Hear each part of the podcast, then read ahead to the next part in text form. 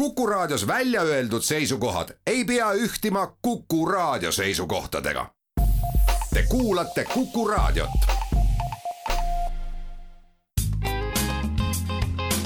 ettevõtlusminutid. saadet toetab Eesti Kaubandus-Tööstuskoda tere, head Kuku kuulajad, eetris on ettevõtlusminutid ja me räägime täna sellest, millised on ettevõtjate jaoks viimasel ajal suurimad probleemid või murekohad olnud, miks need tekkinud on ja, ja kuidas neid siis kas vältida või nii-öelda parandada. mina olen Ingela Virkus ja koos minuga on stuudios Eesti Kaubandus-Tööstuskoja poliitika kujundamise ja õigusosakonna juhataja Marko Udras, tere! tere päevast! No milliste küsimuste või probleemidega on teil siis läbi oma töö äh, viimasel ajal äh, kokku puutuda olnud vaja põhjusel, et just ettevõtted puutuvad nendega tihedalt kokku? Neid erinevaid probleeme või muresid on tegelikult äh, hästi palju, aga võib-olla ma tooksingi välja need kõige levinumad, mille üle viimasel ajal kurdetakse. noh, esimene suur probleem on kahtlemata kõrged energiahinnad see probleem oli väga suur siin kuskil pool aastat tagasi, et kui me läheme ajas tagasi eelmise aasta augustisse, septembrisse, siis äh, tegelikult me üldse ju ei teadnud, ettevõtted ei teadnud, kas maagaasi jagub, milliseks kujuneb maagaasi hind, äh, eelmise aasta augustis elektrihinnad lõid rekordeid ja tegelikult see väga kõrge hinnatase oli kuni eelmise aasta lõpuni. Ja loomulikult äh, need energiakandjate hinnad siis mõjutavad väga otseselt äh, ettevõtteid ja, ja võib-olla õlivalast tulla veel seegi, et paljud teised Euroopa Liidu riigid otsustasid nii äh, inimesi, aga ka ettevõtteid toetada. Eesti selles osas pigem oli seal Euroopa Liidu lõpupoole ehk ettevõtetele toetust ei jagunud ja, ja see kahjustas ka Eesti ettevõtete konkurentsivõimet, et raske on konkureerida, kui näiteks Saksamaa, kes suhteliselt helgelt oma ettevõtteid toetas, ja samal ajal Eesti, kes ei toetanud. et, et see oli kindlasti selline üks suur murekoht ja loomulikult me proovisime ettevõtteid selle teema osas ka aidata, me korduvalt pöördusime valitsuse erinevate poliitikute poole, tegime koostööd teiste ettevõtlusorganisatsioonidega ja pakkusime ka lahendusi välja. näiteks, et ettevõtted ei peaks kas või ajutiselt maksma taastuvenergia tasu, ajutine võrgutasu maksmise vabastus või kas või see, et kui universaalteenusega välja tuldi, et seda oleksid saanud kasutada ka Äh, suuremad või keskmise suurusega ettevõtted, mitte ainult äh, väikesed ettevõtted. Äh, paraku jah, poliitikud neid nõuandeid või meie soovitusi kuulda ei võtnud ja ettevõtted pidid ikkagi ise hakkama saama aga kui nüüd minna siit energiahindade juurest edasi, siis kahtlemata selline teine teemade ring on tööjõud, sest noh, ilma töötajata ettevõtted ei saa tegutseda.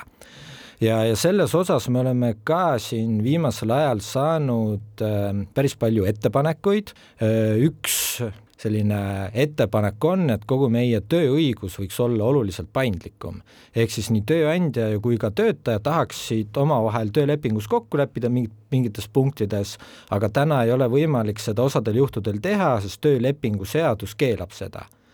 aga kuna noh, enam ei ole selline üheksateist sajand, kus suurem osa töötajaid töötab vabrikutes väga ebainimlikes tingimustes, vaid pigem tööandja ja töötajad on juba nagu võrdsed pooled partnerid, et siis me näeme küll, et oleks vajadust äh, siin rohkem paindlikkust tuua. tõsi, mõned positiivsed muudatused siin eelmise aasta lõpus ka jõustusid, näiteks teatud IT-sektori töötajad said paindlikumad valveaja reeglid, ka sellised inimesed või töötajad, kes saavad ise rohkem oma tööaja üle otsustada, et ka nendele tuli teatud soodustusi, aga noh, see ei ole ikkagi piisav Äh, et noh, ettevõtted ka sooviksid, et näiteks tähtajalisi töölepinguid saaks äh, oluliselt paindlikumalt äh, sõlmida või et töötaja, tööandja võiksid kokku leppida ka niisugune muutuvtunniga tööajas. ehk siis tööaeg ei ole fikseeritud, vaid see on mõni nädal kakskümmend tundi, mõni nädal kolmkümmend tundi, kuidas siis töötaja, tööandja omavahel kokku lepivad et selles osas jah, me näeme sellist suurt arenguruumi. ehk siis sellised tööjõuga seotud probleemid on pigem universaalsed, et need on nagu läbi aastate küllaltki sarnased probleemid olnud, et kui näiteks siin kõrged energiahinnad ja kõik sellega seonduv on pigem selline jah, et tööõiguse mured on pikalt olnud, aga võib-olla nad on viimasel ajal ka natukene rohkem esile kerkinud seoses Covidiga, kui paljud inimesed, noh, kel võimalik, läksid kodukontoritesse, et siis tekkis seda paindlikkust rohkem, et töötaja tahabki siis töötada nendel kellaaegadel, mil, mil talle sobib, mitte siis, kui tööandja ütleb. ja samuti kaugtööga seotud siis kohustused, et mis on tööandjal, mis on töötajal, õnneks selles osas ka me siin jah, Covidi alguse ajal tegime mitmeid ettepanekuid, riik võttis neid arvesse ja, ja vähemalt kaugtöö osas on natukene see olukord paremaks läinud kuidas on näiteks rohepöördega ja kõige sellega seonduvaga, et mis võib-olla siin on ettevõtjaid äh, natukene nagu rivist välja löönud või tekitanud küsimusi ja probleeme ja peavalu? Äh, jaa, eks siin ettevõtteid ole erinevaid, et mõned on väga usinalt kaasa läinud äh, rohepöördega, aga samas on ka teisi ettevõtteid, kes saavad aru, et nad peavad oma ärimudeli täiesti teisiti üles ehitama, nad peavad väga palju äh, enda tegevust muutma. Aga selline üldine hoiak on teadmatus, et hästi palju on küsimärke õhus, et me teame küll, mis on need üldised eesmärgid, näiteks et Euroopa Liit peab aastaks kaks tuhat viiskümmend olema kliimaneutraalne, aga noh, kuidas me sinna jõuame, millised käsud-keelud tulevad Euroopa Liidu poolt või, või Eesti poolt. et praegu on jah, sellist teadmatust ja ebakindlust palju ja kui sellist kindlust ei ole, siis ettevõtted ei julge ka väga palju pikaajalisi investeeringuid teha. et noh, et kui me ei tea, millised regulatsioonid kehtivad siis aastal kaks tuhat kolmkümmend või kolmkümmend viis, eh, siis, siis ei julgeta seda riski võtta et siin oleks vaja suuremat selgust ja, ja üks lahendus sellele oleks eraldi kliimaseaduse tegemine Eestis. sellele on nii ettevõtted viidanud, et seda oleks vaja, samuti ka õiguskantsler on seda varasemalt välja toonud ja selles kliimaseaduses peaksidki olema sees, et mis need eesmärgid on, kuhu me liigume ja mis need üldised põhimõtted on ja seda on vaja selleks siis jah, ettevõtted teaksid, et mis ajaks, mis hetkeks nad peavad mingeid muudatusi tegema, eh, et nad saaksid jah, ette valmistada selleks protsessiks. et ettevõtted saavad aru, et rohepööre on vajalik, aga jah, et kuidas seda ellu viia ja et see ajakava oleks mõistlik ja ka tehniliselt teostatav. kummaline, et seda kliimaseadust veel ei ole, et mille taha see siis on jäänud, oskate te öelda?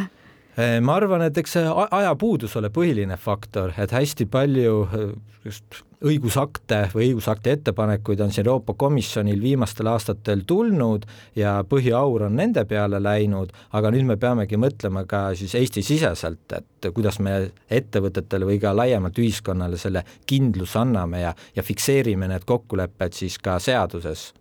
kui palju mõjutab neid probleeme, millega ettevõtted on pidanud viimasel ajal kokku puutuma, see näiteks, et eelmise aasta kevadel võttis ju Riigikogu vastu äriregistri seaduse, mis jõustub etapiti siis alates esimesest veebruarist kaks tuhat kakskümmend kolm kuni esimese märtsini kaks tuhat kakskümmend neli, et see sätestab siis äh, äriregistri andmekoosseisu, kannete tegemise ning registri pidamise korra, äh, järelevalve ja vastutuse, et äh, millega on läbi selliste uute regulatsioonide ettevõtted pidanud kokku puutuma? see äriregistri seadus ja äriseadustiku muudatused on tõepoolest hästi mahukad, seal oli üle saja muudatuse näiteks äriseadustikus, aga ma ütleksin sellise tavalise keskmise Eesti ettevõtte jaoks, mikroettevõtte jaoks seal midagi üliolulist eh, ei ole, et uusi kohustusi õnneks ei tule, et pigem seal mõned nüansid muutuvad selgemaks võib-olla kõige olulisem muudatus või muudatus, mis on kõige rohkem tähelepanust pälvinud, on see, et äh, nüüd ei pea osaühingu asutamiseks olema enam kaks tuhat viissada eurot, vaid piisab ühest sendist muidugi, kui ma olen ka ettevõtetega suhelnud, küsinud, et kas ja kui palju teil seda muudatust vaja on, et siis ma ei ole leidnud veel ettevõtet, kes ütleb, et see on ülivajalik, ülioluline, aga see muudatus ära tehti ja nüüd piisab ühest sendist tõsi, kui see osaühing läheb ikkagi pankrotti, eh, siis on oht, et see omanik ei vastuta mitte ühe sendi eest, vaid ikkagi kahe tuhande viiesaja euro eest, et eh, et selline säte peideti pankrotiseadusesse. Siis hästi palju muudatusi või olulisi muudatusi puudutab majandusaasta aruannet. et kui äriühing ei esita aruannet õigeaegselt, eh, siis eh, nüüd edaspidi on riigil õigus see osaühing või muu äriühing registrist kiiremini kustutada, teoreetiliselt on võimalik seda teha nelja kuu jooksul samuti lisandub täiendavaid kohustusi, näiteks kui osaühingul ei ole juhatust, siis peab majandusaasta aruande esitama selle osaühingu kõige suurem osanik või kellel on en enamusosalus äh, selles. Ja kui ta ei tee seda, talle võidakse trahvi määrata. äh, samuti lihtsustub äh, selliste ettevõtete lõpetamine, mis ei ole üldse tegevust alustanudki. et mingi hetk näiteks ettevõte loodud, aga sellel reaalset majandustegevust ei ole olnud, siis selliseid ettevõtteid on edaspidi lihtsam kustutada siis hästi oluliseks ja põhimõtteliseks muudatuseks on ka siis äriregistrisse tehtavad kanded seoses omanikega. et need muudatused küll nüüd jõustuvad septembrist, aga, aga jah, et edaspidi kõik omanikud, siis äriühingute omanikud on kantud äriregistrisse, kõik inimesed saavad vaadata, kes need omanikud äh, on. ja, ja neid andmeid võib ka usaldada, et põhimõtteliselt sama põhimõte, nagu täna on äh, äh, siis ma ei tea, korterite või majade puhul saab kinnistusraamatust vaadata, et kes need omanikud on, et selline õiguskindlus tekib ka äriühingute puhul. aga jällegi, niisugust tavaettevõtet see ei pruugi üldse puudutada aga üldiselt, kui näiteks õigusaktidest, õigusaktide muudatustest rääkida, et neid on ikkagi väga palju ja ja palju on sellist bürokraatiat, et äh, ettevõtetel on äh, küllaltki keeruline õigusaktide muudatustes orienteeruda ja siis ma saan aru, et nad võiksid teie poole näiteks pöörduda või kuidas täpsemalt saaks siis abiks olla näiteks just äh, Eesti Kaubandus-Tööstuskoda? Eh, jah, õigusaktide muudatusi on väga palju, kui ma nüüd õigesti mäletan ka, siis näiteks Kaubandus-Tööstuskoja juristid eelmine aasta töötasid läbi kakssada eh, õigusakti siis muudatust või suurt eh, teemade plokki ja, ja selle maht oli seal kuskil seitse tuhat lehekülge. et noh, ükski ettevõte ei jõua kõiki neid materjale läbi lugeda, aga siin tulebki siis appi Kaubandus-Tööstuskoda, et me alati teeme sellised lühikokkuvõtted ettevõtete jaoks, et eh, milliseid muudatusi plaanitakse teha, miks ja kui muudatused ka jõustuvad, siis me anname ettevõtetele teada, et näiteks siin on kõige olulisemad äriseadustiku muudatused või siin on kõige olulisemad tööõiguse muudatused, et just nimelt hoidagi ettevõtete aega kokku, et igaüks ei peaks ise seda tegema, vaid saaks ühest allikast kätte. ja loomulikult, kui kellelgi on mingeid küsimusi, siis saab ka äh, abi saamiseks meie poole pöörduda ja noh, teine selline aitamise koht on see, et kui ettevõte näeb, et ma ei tea, kas või tööõiguses on mingi probleem eh, või, või on see mingis muus valdkonnas, et siis ta saab meile sellest teada anda ja meie vaatame, kui probleem on, siis me võtame ühendust vastava ministeeriumiga või teeme ettepaneku Riigikogule. loomulikult seda saab teha ka iga ettevõte ise, aga lihtsalt, et kui üks ettevõte kirjutab, siis võib ka poliitik või ametnik vaadata, nojah, see on ühe ettevõtte ettepanek, et tead, las ta olla. või, või kui see ettepanek tuleb ka ühelt sektorilt, siis ikka vaadatakse, noh, see puudutab ühte sektorit, et ah, sellega ei ole nii kiiret aga kui see tuleb Kaubandus-Tööstuskoja poolt, kuhu kuulub rohkem kui kolm tuhat viissada ettevõtet üle Eesti, et siis sellel on oluliselt äh, suurem kaal ja poliitikud võib-olla hakkavad rohkem mõtlema. Või vähemalt see tõenäosus, et, et see ettepanek loetakse ka läbi, seda arutatakse, on oluliselt suurem, kui, kui üks ettevõte seda teeks aitäh teile saatesse tulemast ja kõikidest nendest olulisematest muudatustest natukene lähemalt rääkimast. Eesti Kaubandus-Tööstuskoja poliitika kujundamise ja õigusosakonna juhataja Marko Udras ning palju jõudu ja jaksu teile! aitäh! ettevõtlusminutid.